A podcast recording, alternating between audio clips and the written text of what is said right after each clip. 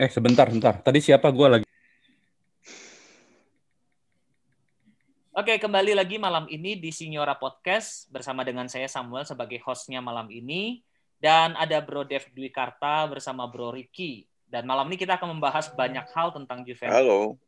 Dan pastinya pendengar jangan ke mana-mana karena kita akan membawakan Juventus malam hari ini ke tahun baru Anda. We bring you Juventus. Kalau nggak Juve, nggak Juve. Game. Oke. Nah, lumayan. ya, Bro, selamat tahun baru ya sebelumnya, Bro Dev, Bro Rick. Happy New Selamat Year. tahun baru, bro. Ya, Happy New Year. Selalu buat kita semua. Buat Natal, bro. Iya. Semoga juga tahun baru ini punya harapan baru buat Juventus yang kemarin di penutup tahun habis dihajar Fiorentina 3-0.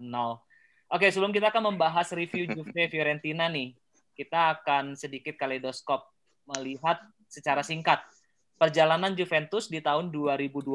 Apa artinya buat Bro Dev dan Bro Ricky? Silakan Bro Dev dulu nih. Ya, menurut gue di luar pertandingan terakhir lawan Fiorentina, udah menurut gue sih udah lumayan ya karena dengan situasi pelatih baru, beberapa pemain cedera nggak sih nggak maksimal di awal musim. Ya. Jadi banyak faktor-faktor yang menghalangi kita bisa cepet nyetel. Jadi menurut gue walaupun agak agak-agak kecewa ya, banyak seri terutama yang kecolongan gol di menit terakhir lawan Lazio. Terus juga di home lawan Verona. Ya, gue sih cukup seneng karena dengan berbagai macam halangan eh, ternyata bisa main kayak gitu. Yang jelas kan ada revolusi nih menurut gue perubahan cara bermain dari gaya Italia ke gaya yang lebih modern yang tujuannya ya jelas buat bisa merangkul milenial. Ya. Gue mana saya pertandingan akhir tuh ya paling kecewakan sekali. Udah lama di Juve, udah lama di Liga Italia, nggak sepantasnya bisa bikin tackle malu-maluin kayak gitu yang bikin satu tim susah. Akhirnya kita hilang tiga poin. Terlepas dari itu sih, gue cukup happy lah. Jadi ya itu di di paruh musim pertama ya seperti itu menurut gue. Oke, eh, meskipun kita sekarang terpaut sekitar ada 10 poin dari peringkat satu, ada nggak kemungkinan menurut Brother kita bisa naik lagi ke atas nih?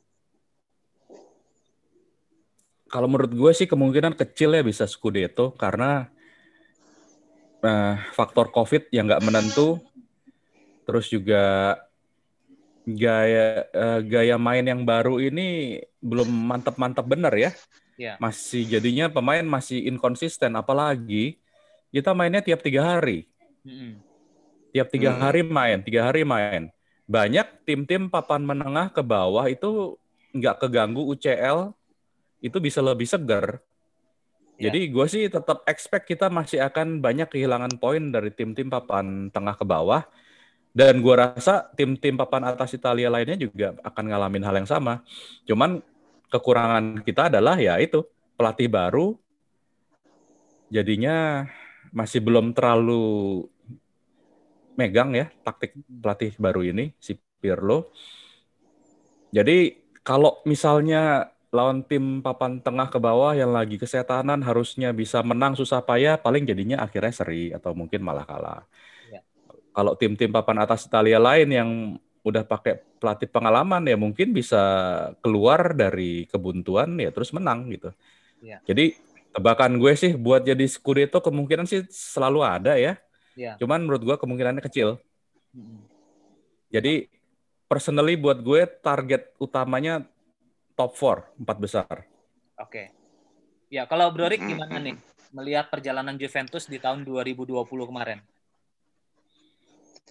Secara garis besar 2020 itu torn lah ya buat gua. Jadi pas zaman Sari itu benar-benar puncak dari kebosanan terhadap permainan Juve.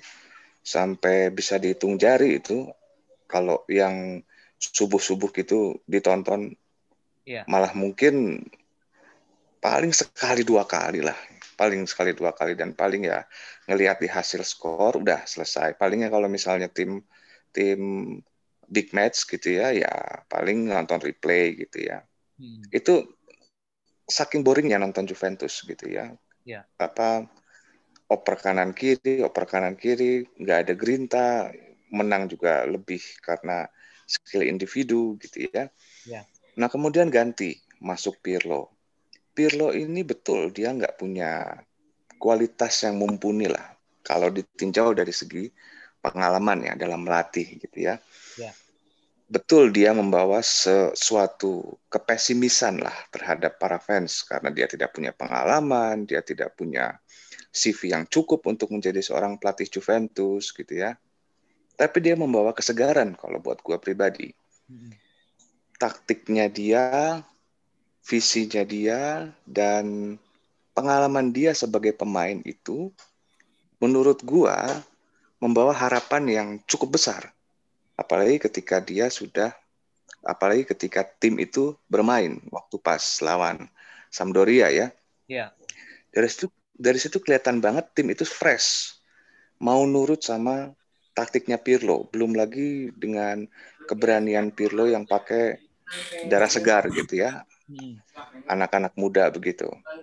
Dan apa namanya? eh, keberanian-keberanian dia untuk melakukan melakukan itu ada yang bocor ya bro suara ya Ban mobil. yang ban belakangnya iya Iya, iya. halo oke oke iya Hmm. intinya apa eh, untuk permainan membawa sebuah kesegaran baru gitu ya tim lebih fluid dalam dalam menyerang Ronaldo juga lihat kelihatannya dia bisa menerima dengan tim yang segar ini jadi membawa harapan gitu buat harapan baru buat gua gitu loh dalam memandang tim yang sekarang ini.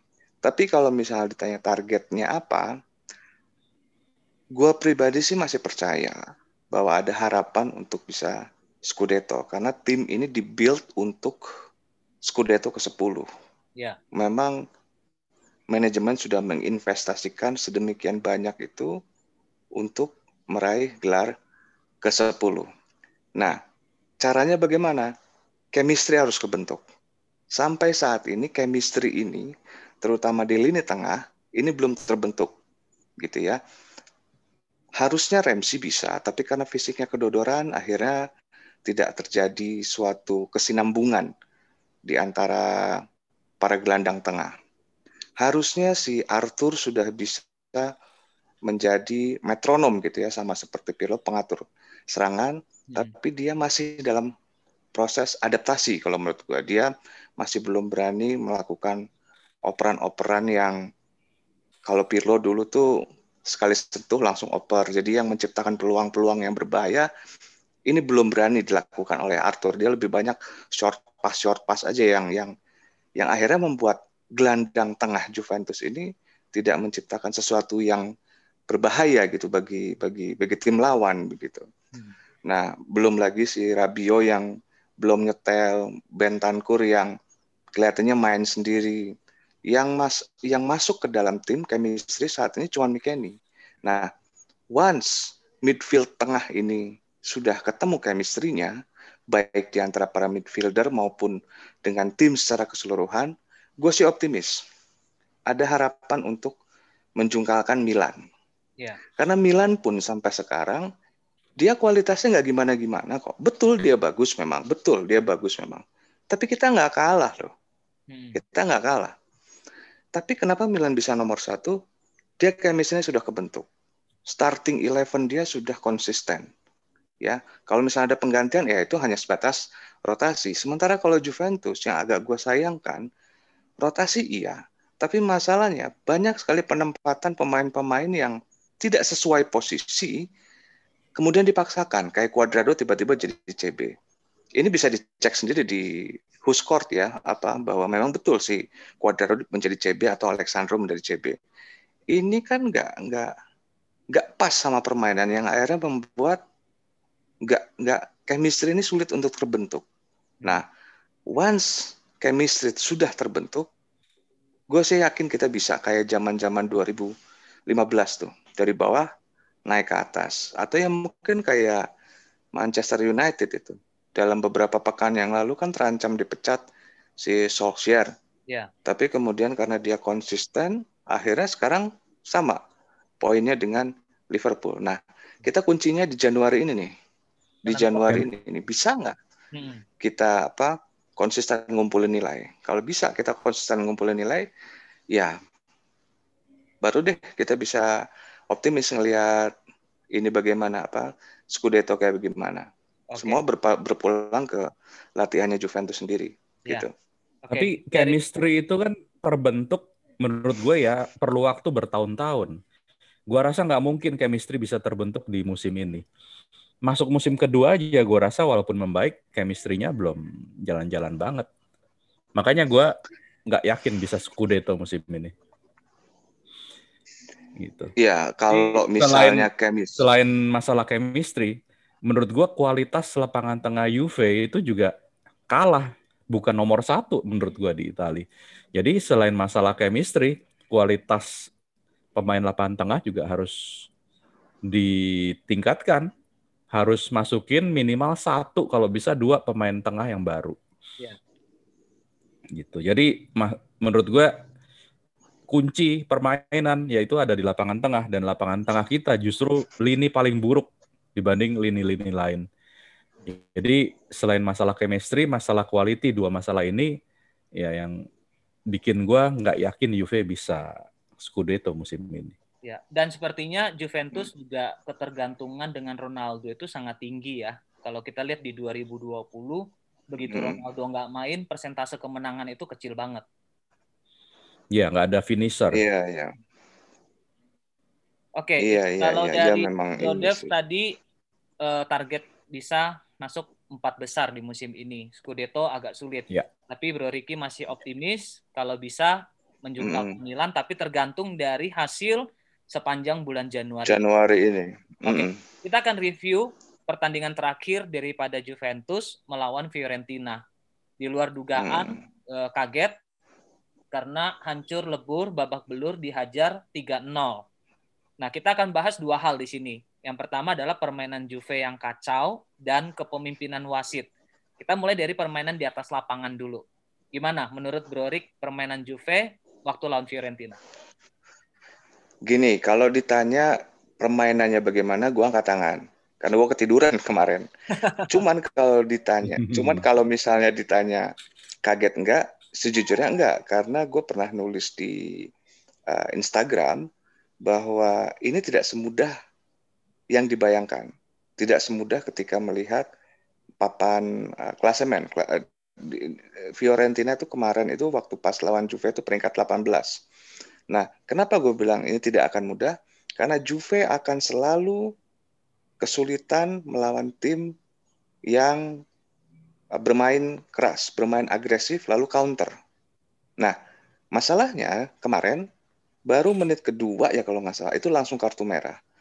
Dan Ramsey ini dia fisiknya kan selalu menjadi permasalahan nih.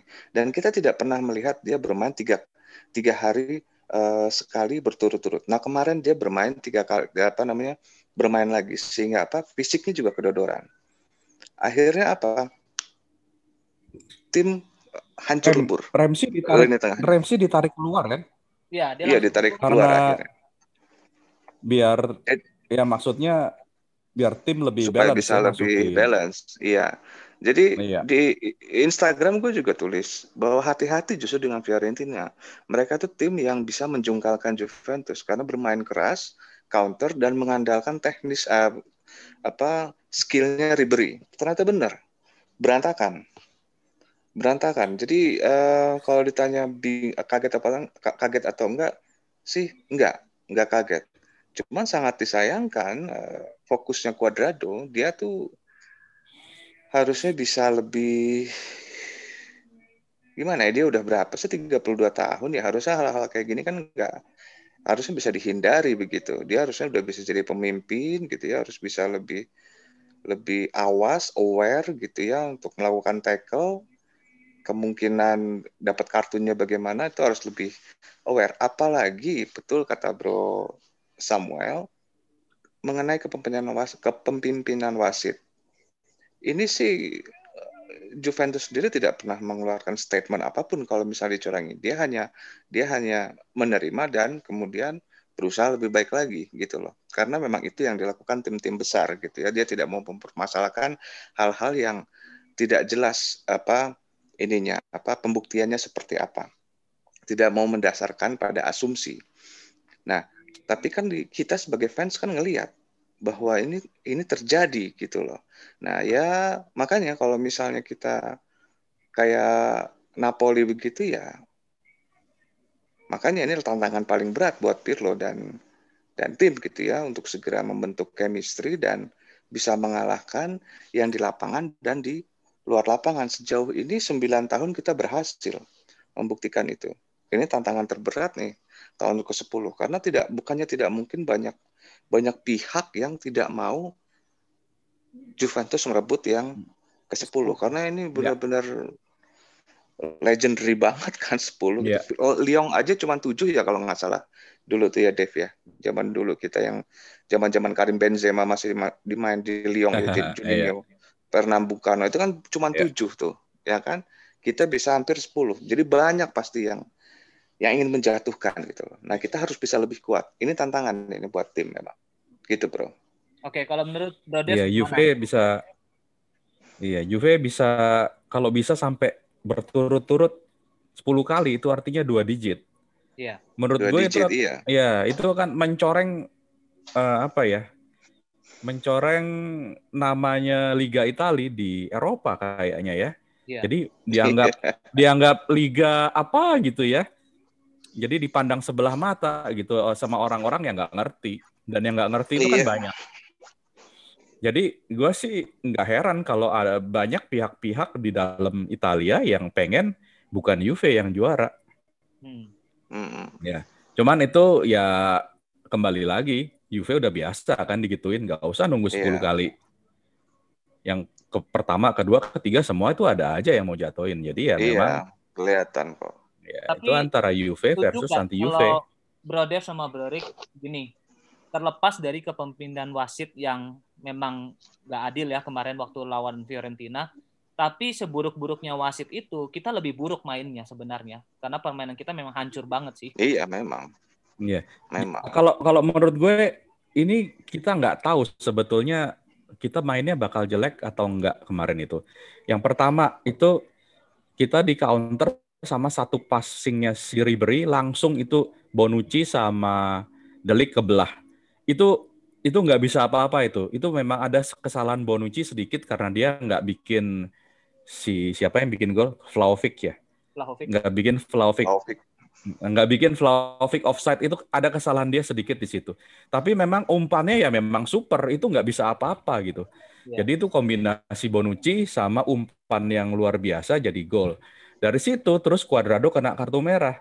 Jadi kita ya nggak bisa lihat UV kemarin itu sebetulnya main bagus apa jelek sih sebetulnya nggak bisa karena udah keburu dihancurin sama Cuadrado.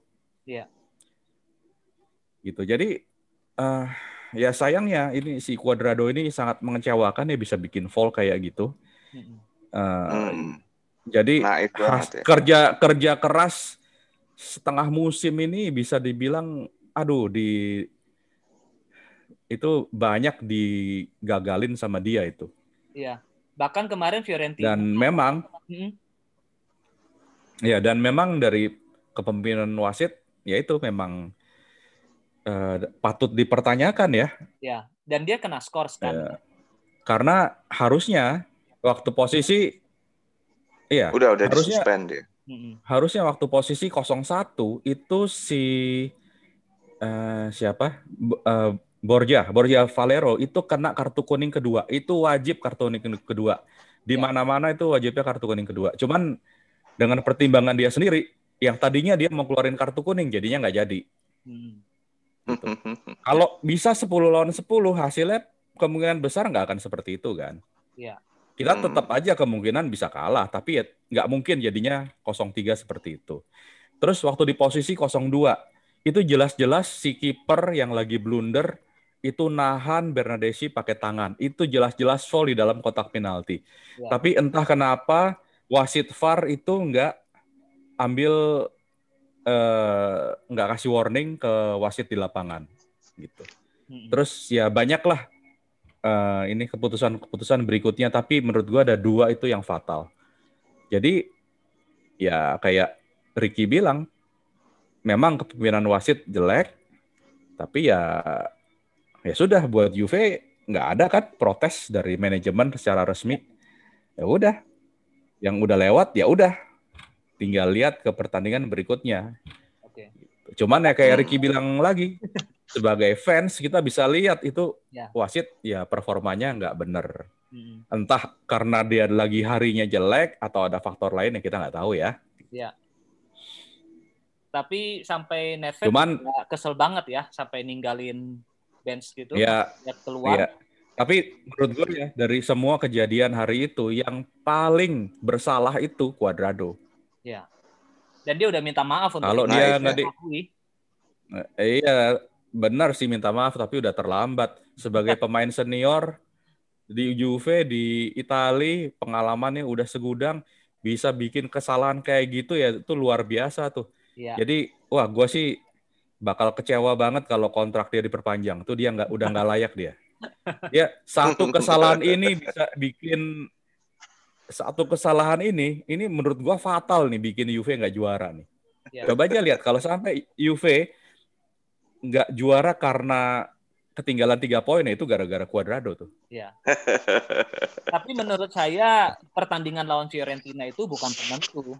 Cepat atau lambat selama Juventus terus bermain dengan ketidakkonsistenan ini dengan mental yang up and down, cepat atau lambat kejadian seperti Fiorentina pasti akan terjadi. Ya, bukan penentu tapi dari pertandingan itu kita bisa lihat Juve itu kira-kira seperti itu di musim ini. Ya. Kayak Bro Sam bilang itu tepat banget mentalitasnya naik turun. Ya. Makanya menurut gue gue sih pesimis bisa juara. Oke. Kita akan mulai Hmm. bulan Januari ini besok ada match melawan Udinese. Kembali kita main di kandang. Hmm. Kita akan melakukan preview Udinese plus dengan Milan yang kita akan mainkan tiga hari kemudian ya midweek di tengah Hmm. minggu. Ini kira-kira dengan kekalahan dari Fiorentina, kira-kira kita ini bakal bisa bangkit nggak? Pertama kalinya nih, Pirlo bakal punya squad yang lengkap, kecuali yang kartu merah kemarin ya sama Rabio yang nggak bisa main. Selebihnya bahkan Chiellini, Demiral udah bisa kembali ke squad. Ini full tim ini.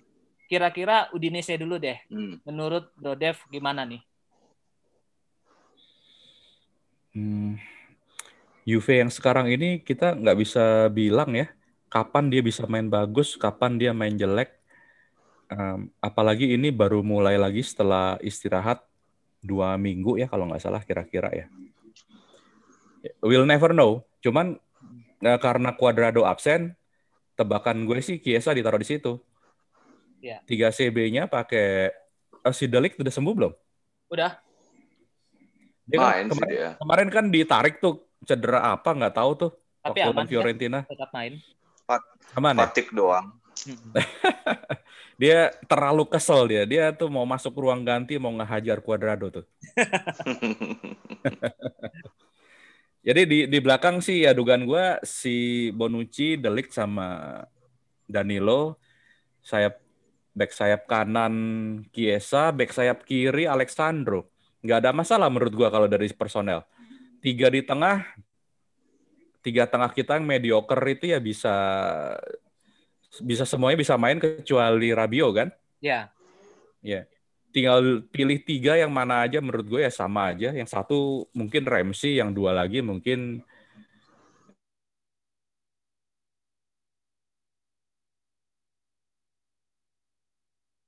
Ya, depan full tim kan? Chiesa sama eh Chiesa. Siapa? Ronaldo sama Iya Ronaldo sama Morata ya. Di bala cadangan. Ya dari sisi pemain gua rasa lebih dari cukup buat ngalahin Udinese. Tinggal gimana konsentrasi mereka supaya nggak kecolongan di menit-menit awal, nggak kecolongan setelah nyetak satu gol. Kan sering gitu tuh, menit-menit awal kecolongan, ketinggalan. Atau setelah nyetak satu gol terus disamain jadi satu-satu. Ya kalau bisa konsentrasi bagus, nggak kecolongan ya ini menang mudah. Harusnya menang mudah. Ya. Dari catatan pertemuan juga Juventus selalu menang dengan skor yang cukup bagus. Enggak, kemarin kalah kita. Oh ya, terakhir ya. Kemarin ya? terakhir kalah. ya. Terakhir kalah. Waktu udah kalah. udah nggak penting itu ya.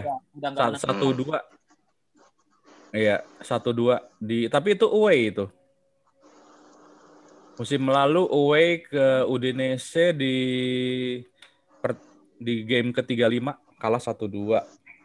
Iya. Empat dua apa satu dua? Satu dua. Satu dua. Satu dua ya. Ya, itu sudah di akhir akhir. Di Iya, Juve di empat pertandingan terakhir kan udah ngelepas itu ya, rekornya satu menang hmm. tiga kalah. Tiga kalah itu salah satunya dari away ke Udinese. Hmm. Hmm. Kalau Brorik gimana melihat uh, match melawan Udinese ini? Ini Januari ini kalau gua ngelihatnya seharusnya, seharusnya nih loh ya. Juve ini take off. Dia akan dia akan kelihatan apakah worth sebagai title contender atau tidak tuh di Januari ini. Seperti tadi yang sudah gue bilang gitu ya. Tim kita ini kan diinvestasi, diinvestasikan sedemikian besar ini untuk menghadapi pertandingan padat seperti yang Januari ini. Mm-mm. Nah, Milan itu masih di bawah kita investasinya. Nah, kita lihat nanti apakah minggu ini mereka akan bisa memenangkan partai melawan Benevento atau tidak. Ya. Karena mereka pasti akan jaga energi untuk melawan kita di minggu berikutnya, gitu ya. Jadi makanya kenapa gue bilang Januari ini sangat krusial karena di situ kelihatan apa eh, kekuatan sebuah tim seperti apa. Nah, untuk Udinese sendiri, betul mental kita tuh up and down tuh betul. Tapi secara keseluruhan Juventus itu dari dulu sampai sekarang terkenal dengan mental bajanya. Ini itu yang membuat gua eh, jatuh cinta ya sama Juventus menjadi seorang fansnya Juventus karena memang cirinya Juventus ini mentalnya baja gitu. Betul ada naik turun. Tapi pada dasarnya dia mentalnya baja. Nah, ini akan diuji juga di Januari ini. Apakah mental baja itu terlihat lagi atau tidak? Nah, ini Pirlo eh, kuncinya kan di latihan nih. Iya. Nah, ini kita lihat apakah si mental baja ini bisa menciptakan chemistry yang cepat ya. Karena kalau misalnya chemistry betul memang membutuhkan waktu, tapi kadang-kadang kalau kualitas tim itu sudah sangat bagus, pengertiannya juga sudah sangat bagus, ada saling respect antar pemain dengan pelatih, mudah-mudahan bisa accelerate lah, tidak sampai tahunan hitungannya. Tapi 10 poin di atas. Mudah-mudahan itu bisa menjadi sebuah stimulus apa buat tim ini untuk segera menyegerakan chemistry ini segera terbentuk. Mudah-mudahan harapan sih masih tetap ada. Nah, balik ke Udinese ini tim yang bisa kita menangkan. Karena apa? Kuncinya satu. Mereka tidak agresif. Iya. Plus mereka suka menguasai bola. Ini model Barca KW. gitu loh. Jadi ini tipe model Barca KW. KW berapa itu? Jadi mainnya itu dia bukan kayak tim kecil, bukan kayak Fiorentina, bukan kayak Benevento yang ngandelin fisik gitu ya, agresif terus counter. Enggak. Udinese ini pemain tengahnya ini skillnya tinggi semua. Rodrigo De Paul sama si Pereira yang dulu pernah ke kita. Jadi Ada- emang jago gocek Ada. KW-nya Ribery di situ, The Paul. Ada KW-nya Ribery, iya benar. Jadi jago jago gocek loh. Mereka tuh jago jago jago gocek, jago gocek. Tapi sejago-jagonya mereka tetap bukan Barca. Artinya apa? Bisa dinetralisir sama Juventus. Ya. Dia bisa bisa si kuncinya di Rodrigo De Paul aja. Asal si McKennie atau Bentancur bisa nutup si Rodrigo De, De Paul, kayaknya Kevin Lasanya sama Pesuto ini yang apa yang striker-striker ini bisa dijaga lah sama Delik ya. Si siapa itu striker Atalanta Zapata aja yang se kayak Mike Tyson aja bisa bisa diem loh dijagain sama Delik ya apalagi si rasanya yang yang yang yang nggak gimana gimana uh, plus si back backnya si Udinese ini ini cuman modal tinggi kalau gue yang ngelihat ya kalau gue apa terakhir kali nonton per, apa permainannya kemudian baca statistiknya mereka mereka jago nyundul. Tapi ARL duel kalah ya gimana? Back masa gampang kalah duel sih terus apa konsentrasinya konsentrasinya lemah gitu jadi ini tim yang bisa kita menangkan. Harusnya di atas kertas bisa kita menangkan. Masalahnya sekarang, kita bisa enggak menggapai hal itu? Kuncinya ada di midfieldnya ini. Gue setuju sama Dave barusan, kanan akan diisi Kiesa, kiri Alek Sandro, itu sudah cukup untuk menyerang Udinese. Nah, tapi yang tiga gelandang tengah ini, Ramsey, kemungkinan besar ya ini menurut gue ini akan dimatengin nih sama Pirlo karena dari kemarin sudah kelihatan arahnya ke arah hmm. sana. Ramsey, Ramsey Bentancur. Ini bertiga ini lagi dimatengin ya. sama sama si Pirlo. Kita lihat mereka bisa dapat nggak chemistry-nya. gue sih khawatir si Ramsey-nya nggak bisa kedodoran dia ininya fisiknya. Tapi ya siapa siapa yang tahu? Mungkin nanti bisa dibantu sama Kulusevski kita nggak tahu ya. Tapi intinya tiga gelandang ini harus benar-benar menguasai lini tengah karena Udinese itu kekuatannya di lini tengah. Jadi kalau misalnya kita bisa lebih kuat, habis Udinese. Oke. Okay. Gitu. Jadi kemungkinan menang sih cukup besar kok, Bro. Menurut gua lawan Udinese gitu. Berarti lawan Udinese ini kunci untuk melawan Milan selanjutnya tiga hari kemudian ya? Betul, betul.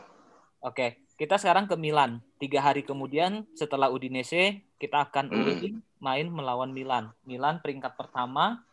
Uh, eh, yeah. Sebenarnya Milan udah kelihatan sih mulai kedodoran karena beberapa match terakhir mereka menang di menit-menit terakhir, menit-menit penentu. Tapi udah mulai kelihatan mereka mudah kebobolan, seperti mulai kehilangan fokus, kelelahan juga mm. di situ. Peluang ada nggak nih, Bro Ricky, untuk di Milan? Mm ini menarik lawan Milan. Karena menurut ya. gua tim Peluang mereka lawan. ini mengandalkan uh, uh, uh, Stefano Pioli ya pelatihnya. Ini dia bisa menciptakan chemistry yang kuat. Jadi yang membuat Milan sampai sekarang bisa nomor satu memang chemistry-nya yang yang kuat. Nah masalahnya untuk pertarungan nanti melawan Juventus mereka akan banyak kehilangan pemain inti kayak Makers itu uh, cedera. Yeah. Kemudian Ibrahimovic cedera ya. Hmm. Nah, udah badai cedera tuh di sana tuh ya. Belum lagi lawan Benevento. Kita nggak tahu nih apakah pemain-pemain intinya akan diistirahatkan lawan Benevento atau tidak. Kalau misalnya tidak diistirahatkan lawan Benevento, ya dia akan melawan kita dengan apa ya tidak 100% lagi gitu ya. Jadi hmm. kita ada harapan kuncinya cuma satu si uh, Calhanoglu ini harus benar-benar dijaga ketat karena otaknya Milan tuh ada di dia. Kalau misalnya gelandang tengahnya ini dia ototnya aja kuat tapi tidak kreatif. Jadi apa uh, Ramsey bisa mati di sini ya. Tapi kita masih punya Bentancur dan si Mikeni. Memang kreativitasnya sih agak kurang. Tapi kalau misalnya chemistry kita kuat, chemistry kita bagus, rasanya tektok dengan si Cuadrado ini bisa bisa membuahkan hasil. Karena apa sampai sampai saat ini kosen uh, yang paling jelek dari Milan itu sebetulnya di lini belakang. Jadi si Romagnoli ini memang jago tackle segala macam, tapi konsentrasinya lemah dan si Kejair ini larinya pelan Sebenarnya ya. titiknya di situ uh, kelemahannya sembilan yang yang yang yang membuat mereka banyak uh, kebobolan tuh gara-gara itu. Selebihnya dari tengah ke depan ini kuat. Yang tengah ini kuat tackle, aerial duel squad, yang depan jago ini, jago jago dribbling gitu. Jadi ya banyak yang banyak yang banyak yang jebol gara-gara itu. Ya. Gitu. Kemungkinan mereka menang, Casey ya, kuat sekali mereka.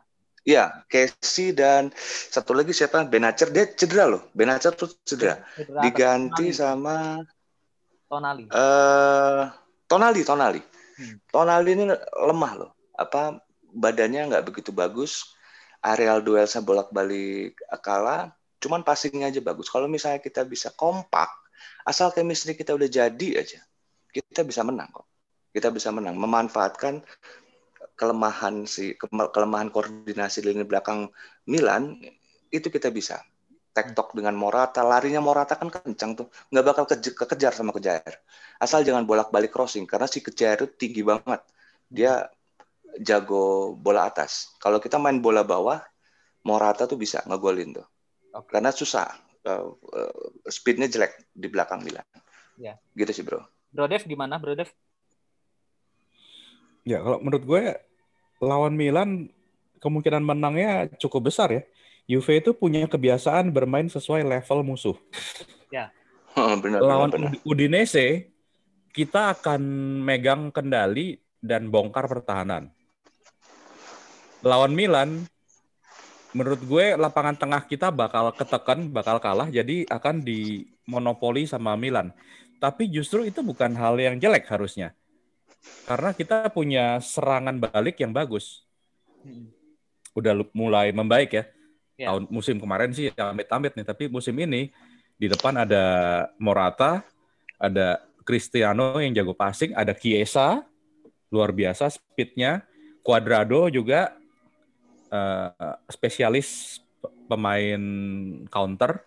Hmm. Jadi kalau Milan berani terlalu terbuka, terlalu naik, habis, Habis itu. serang balik. Hmm.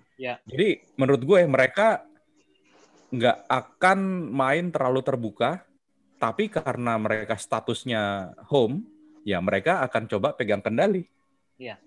Gitu. Jadi kalau eh, pemain belakangnya lengah terlalu tinggi, habis kena counter. Jadi menurut gue peluang menangnya cukup besar, apalagi eh, pemain-pemainnya banyak yang nggak available kan. Mm-mm. Mm. Cuman Milan ini punya satu senjata di kiri, Theo Hernandez. Ya. Kenceng Nah, banget. iya tuh bagus Ya.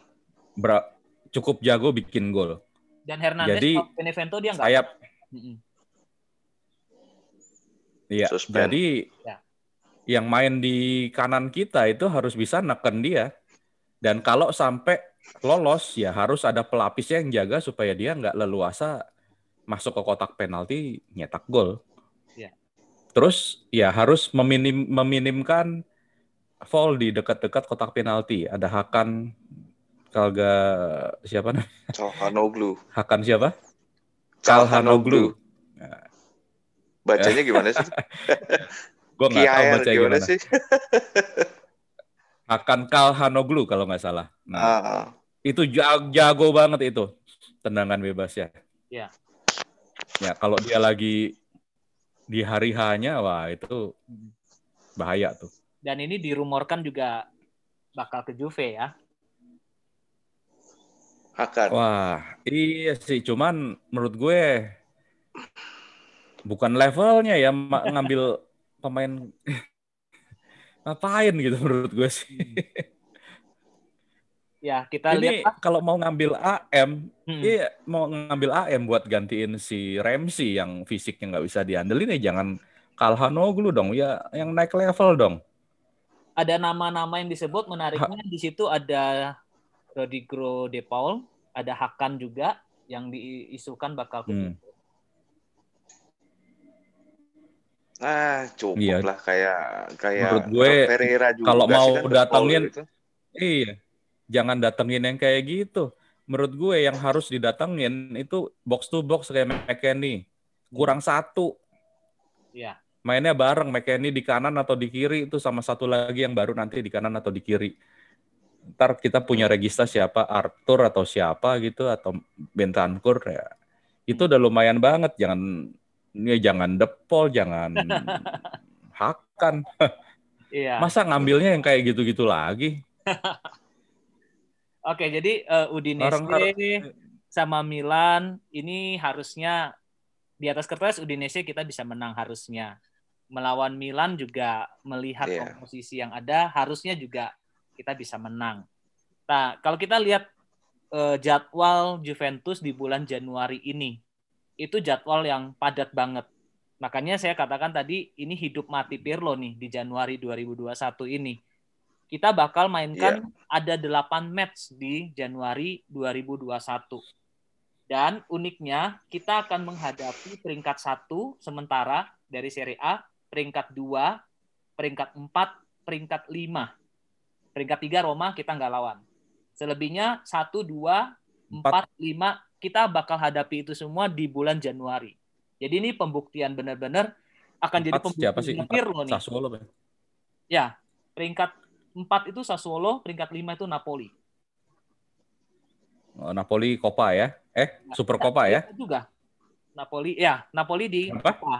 Dan kalau kemungkinan Ya. ada kemungkinan katanya jadwal ulang dari match yang tertunda kemarin itu kemungkinan akan dimasukkan di Januari ini. Ini gimana? Hmm. Bebek melihat jadwal yang begitu padat, lawan yang begitu berat, gimana nih? Hmm, menurut gue sih justru ketemu tim-tim kuat Juve nggak masalah. Hmm. Eh, ya karena itu mereka punya fondasi pertahanan yang cukup baik menurut gue. Jadi kalau lawannya lengah, pegang bola terlalu tinggi, counter. Tinggal pemain-pemain lapangan tengahnya aja disiplin ya. Jangan kayak awal-awal musim tuh, si Arthur, aduh Hmm. pegang bola ya bagus, tapi covering covering defense-nya jelek tuh, banyak lepas kecolongan ini itu. Ya. Bentancur bisa dikolongin. Jadi ya kalau konsentrasi pemain lapangan tengah bagus, menurut gue sih nggak masalah karena ya tim-tim papan atas Italia juga ketemu masalah yang sama. Hmm. Lorik gimana? Ah, kalau gue sih ngelihatnya ini masalah motivasi. Jadi kalau dikasih yang menantang, itu jadi bagus. If you wanna be big, you must be big, gitu. Jadi jeleknya di situ. Ketemu tim papan bawah, ya agak-agak agak anggap enteng gitu. Coba-coba kanan kiri kanan kiri jeblok aja lawan Beneventos terus sama, ya kan? Sama tim apa Verona juga itu sama. Kemarin Fiorentina malah digebuk sekalian. Ya. Tapi begitu dikasih yang susah, Hmm. kayak misalnya Barca, Parma itu juga kan sebetulnya rivalnya kita gitu ya, main di ini juga gitu. Jadi justru kalau misalnya dikasih yang susah, motivasinya akan bertambah, konsentrasinya akan berka- berkali-kali lipat gitu. Oke. Jadi justru merupakan uh, blessing in disguise sih kalau menurut gua. Hmm. Mudah-mudahan aja uh, lolos lah Ya. Januari ini. Hmm. Gitu. Dan semoga Januari eh, kita akan mainkan juga Super Copa melawan Napoli, main di kandangnya Sassuolo. Eh, semoga ini bisa jadi trofi perdananya Pirlo ya. Iya. Sebenarnya permainan kita itu kan sudah mulai kebentuk ya sebetulnya nih. Cuman hancur lebur gara-gara Cuadrado waktu lawan Fiorentina. Tapi sebelum itu sebenarnya udah udah mulai kebentuk tuh. Jadi Ya. Iya, Kalau- iya, iya. mental kita bisa naik lagi, nggak nggak masih down gara-gara Fiorentina ya harusnya ya itu Januari ini harusnya kita bisa lewatin rintangan-rintangan ini ya kembali lagi ya ke masalah mentalitas. Oke, kita akan closing di yang satu ini terakhir. Rumor tentang Mercato di musim dingin udah mulai dibuka. Dan Pirlo udah minta ke manajemen untuk datangi satu striker buat ngelapisin Morata. Mm.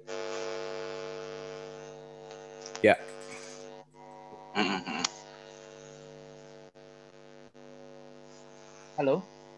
Halo, halo. Oke. Ya, Nah, gimana Sam? Pirlo ini sudah minta ke manajemen untuk datangi satu striker untuk melapis Morata. Karena sekarang striker murni itu cuma Morata satu. Begitu Morata nggak bisa main, udah Ya. mulai bingung kan. Nah dari sekian nama yang Ya. muncul, ada dua nama yang paling memungkinkan. Yang pertama adalah Lorente, yang kedua adalah Graziano Pele. Menurut Brorik, yang paling memungkinkan itu siapa? Iya. Kalau yang paling memungkinkan sih Diego Rick. Costa, bro. Feedbacknya tuh, Rick. Oh, feedback, feedback. Oke, sudah. Oke, udah masih feedback nggak? Udah. Ah, sip, udah hilang. Oke. Yang paling masuk akal ya Diego Costa sih sebenarnya. Hmm. Gratis ya kan. Minta gaji juga rasanya dengan umur dia yang sekarang harusnya sih nggak usah terlalu tinggi. Plus dia juga punya dendam kesumat sama Conte dan dia itu etos kerjanya, waduh, bisa digebuk gitu sampai ada yang macem-macem nggak mau latihan segala macem, Hmm. ya kan?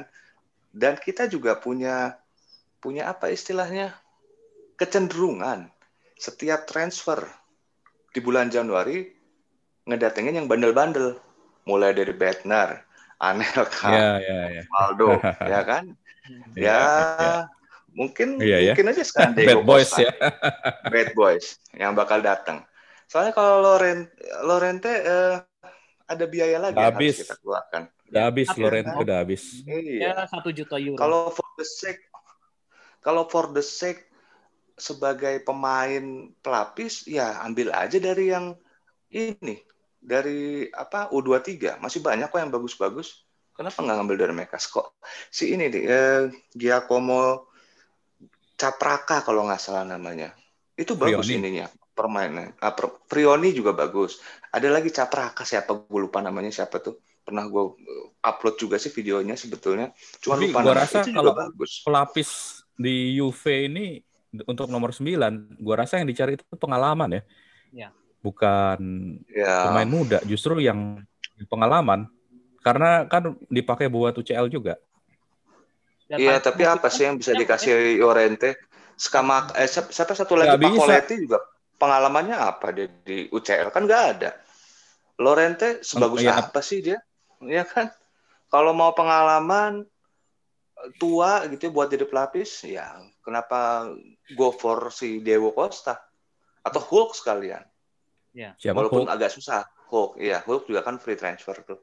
Ya. Walaupun Hulk susah karena sudah di udah dibekap sama uh, Premier League siapa Wolves kalau nggak salah gajinya juga gede. Tapi ya kalau misalnya mau yang gratis-gratis buat pengalaman, udah tua mau jadi backup ya mereka. Ya. Nggak usah bayar duit. Giru 5 juta itu pun susah dilepas. Ya kita bicara yang free transfer aja. Siapa itu Pavoletti mesti pengalamannya nyari- apaan? Ya kan? Mesti nyari yang ini ya, yang yang mau bertahan, rajin rajin turun ke bawah. Dan itu dia Diego kayaknya Costa Diego Costa nggak nggak terlalu deh dia ini. dia mantan Atletico jago tak jago jago defense itu. Tapi ini Suka orang lari ke belakang juga ya. kan Diego Costa. Nanti bisa merusak. Pertahanan. kita. Costa ini troublemaker di klub mana pun dia selalu berulah. Sama kayak Bednar, sama kayak Anelka, sama kayak Osvaldo. Hmm. Ya kan? Hmm. Tapi lingkungan yang baik akan menciptakan orang yang nggak baik, jadi setidak-tidaknya agak baik gitu loh. Mudah-mudahan. Toh Iya. si Diego Costa juga pasti punya kelebihan-kelebihan lain kan? Iya. Opsi Kayak Diego Costa terang segala macem. cukup cukup intriguing ya karena Iya. eh, ya kayak lo bilang em, pemain itu akan akan sedikit banyak terpengaruh oleh lingkungannya dan Lingkungannya, lingkungan, iya. lingkungan Juve yang kayak ya yang bullshit bullshit itu ya nggak bisa lah ya apalagi lu cuman pemain pelapis gitu Iya. jadi Iya. ya menurut gue ini cukup intriguing jadi kalau si Diego Costa ini bisa main dia mau main defense ya ini opsi yang cukup menarik ya karena pengalamannya segudang dan karakternya seperti itu bisa buat gap geplak geplakin Cuadrado Iya. Iya, nah betul, betul, betul itu. Ini Betul. me- cukup menarik sih. Cuman itu gue sih nggak yakin dia kontribusi defensive contributionnya bisa bagus ya. Paling itu aja sih. Kalau itu dia mau berkorban di situ, ini opsi yang menarik nih. Menarik nih. Hmm. Jadi dari dua nama yang paling santer sekarang sering diberitakan sama media ada Lorente atau Graziano Pele. Justru Brorik sama Brodev ada melihat kemungkinan Costa nih yang bakal bisa merapat. Nah, kita tunggu aja ya. Ya, mudah-mudahan. Kira-kira siapa nih Mudah-mudahan. yang bakal datang sebagai pelapis daripada Morata di bulan Januari ini. Hmm. Memang Juventus sih jarang ya mendatangkan nama besar di bursa musim dingin, tapi patut kita tunggu sih. siapa yang bakal Paratici datangin nanti. Oke bro, kayaknya waktu kita udah cukup, sudah satu Siap, jam. siap. Oke. kita menemani semua pendengar Seniora Podcast malam ini. Makasih Bro Rick, terima kasih Bro Dev buat waktunya. Sama-sama Bro Sam. Sama-sama. Oke, sampai kita ketemu lagi. Kalau nggak Juve, Oh, tunggu dong. Sabar. Belum. Oke, we bring you Juventus. kalau nggak nggak Juve, nggak rame. rame. Oke, Thanks bye guys. semua. See you. Bye.